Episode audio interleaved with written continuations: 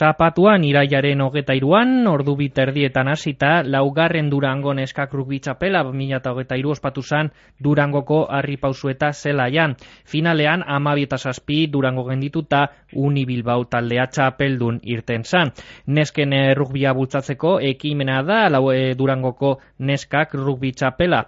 Durango rugbi taldeak urtero antolatzen dau, eta urtengoan antolatko daben laugerrena izan da. Egun horretan, e, nesken errugbi partiduak arratsaldez izan dira, euretariko talde bat neskarian zizenarekin lehiatuko lehiatu zan hori parte hartuko da e, ben talde guztietako jokalariek osatutako taldea izan zan. Talde honen bitartez, arizkidetasuna, kiroltasuna eta errugbiak galdu nahi ez dausan balore guzti horiek presente gotea nahi da be. Gaur, e, zapatuko txapelketaz berbakiteko, aratz gaiaztegi daukagu jokoan, durango rugbi taldeko errugbi zuzendaria eta kudeatzailea. Egun aratz? Haupa, egunon. Azteko, zelan joan zan txapelketa, posik zaudete antolakutza taldektik? Bai, oso txapelketa polita izan zan, e, bost taldeke parte hartu gendun, e, esan dozun moduen, Universitario Bilbao, Gaztedi, Gazteizko Gaztedi, e, uh Sarako, Sarako Izarra taldeak, Neskarian, zaipatutako talde berezi horrek, eta Durangok e, esan duzun moduen, ba, neskarian talde hori ba, txapelketan bertan parte hartzen da ben jokalari guztiez osatutako taldea da, txandakatuz eta danak e, jokalari guzti ba, talde hortatik e, pasatzen dire. Mhm. Eta txapelketa ba, ba polito junzan, e, uraldi ederra eukigendun rukbirako akaso aukeran e, bero larregi, baina, baina bueno, edarto junzan eta eta ba, txapelketa polite orten zan. Uhum, azteko, e, finalaz e, berbagingo dugu, Uni Bilbao garaie, Durango Koneskek finalera heldu ziren? Bai, bai, Durango Koneskak finalera heldu ziren, lehengo fasea e, ligila moduko bat egin gendun, partida guztiak amabos minutukoak izan ziren, eta danak danen aurka e, jokatu gendun. Hortik, zailkapen bate atara gendun eta gero zuzenean lehengo biek eh, finala jokatu den orduen e, Uni Bilbao lehengo zailkatu zan eta Durango bigarren eta eurek e, finala jokatu eben e, amar minutuko bi zatitan bi zati, amar minutuko bakoitzak.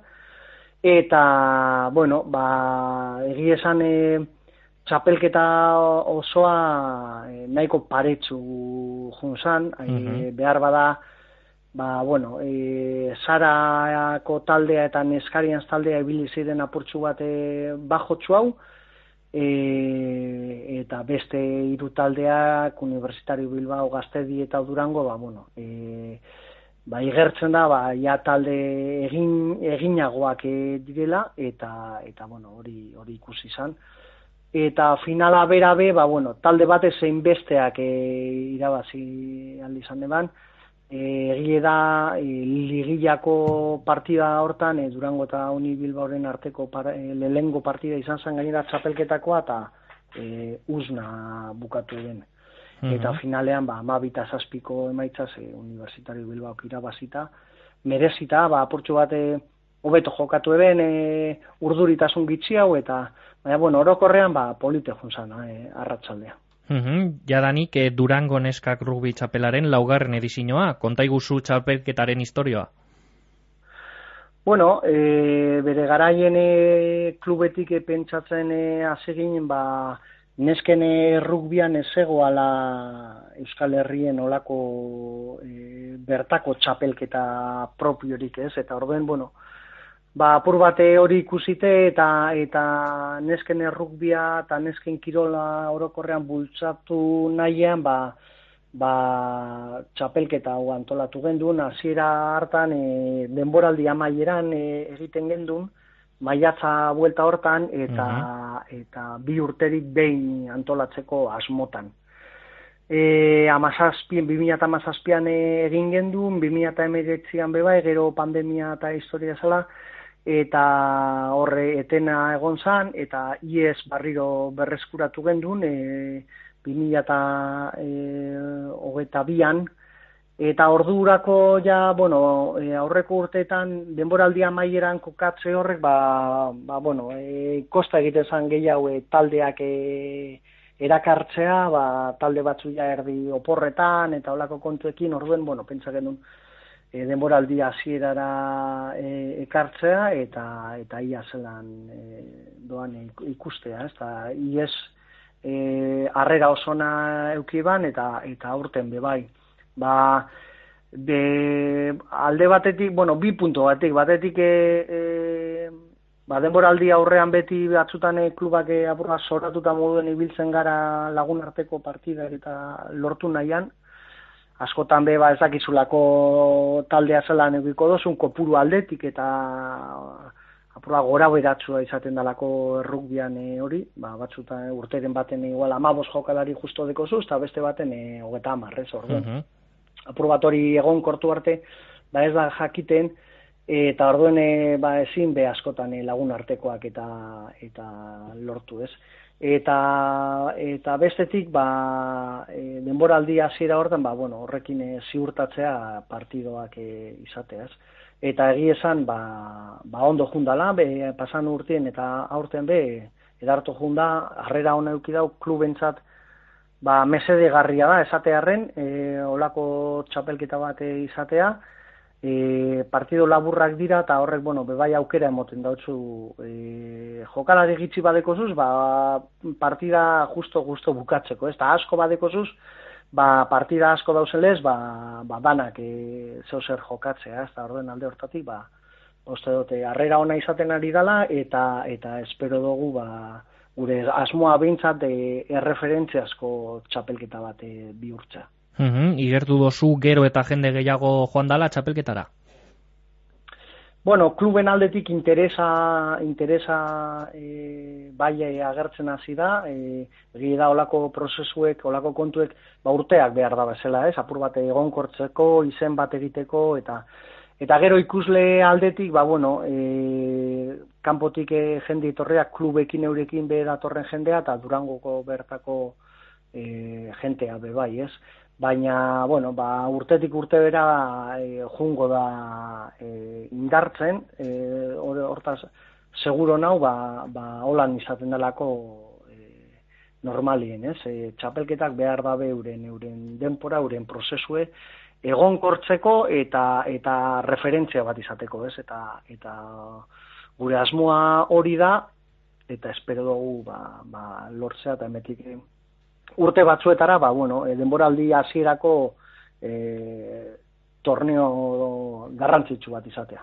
Mm Amaitzeko aratz, e, zelan ikusten dozu taldea denporaldi barrirako? Bueno, gogotsu, gogotsu eta guretzate e, onena da, ba, bueno, e, urte baten bueltan e, e, itxela aldatu jakula guri taldea, ez? E, iez, gara jontan e, eh, amazazpi jokalarekin e, geunden, horatu behar da errukbian amabos jokalari dabizela, mhm. eta amazazpi gaz eh, egon ginen, eta, eta bueno, ba, zalantzan diek geuk egin duzan, ez? E, e, aurrera egiteko edo zer egiteko. Aurrera egin gendun, neskek, e, bueno, aurrera egin eben bai, gero jokalari gehiago e, urbildu ziren, urria amaira hortarako, eta azkenien, ba, denboraldie amazortzi meretzi jokalari gaz, ez dala asko bez, baina, baina da e, denboraldi e, oso ona egin eben finalera heldu ziren bai Euskal Ligako finalera mm naiz eta finala gaztedi gazgaldu eta urte bat berandu hau abituz lan gauzen eh? Aurten 30 bat jokalari deko guz e,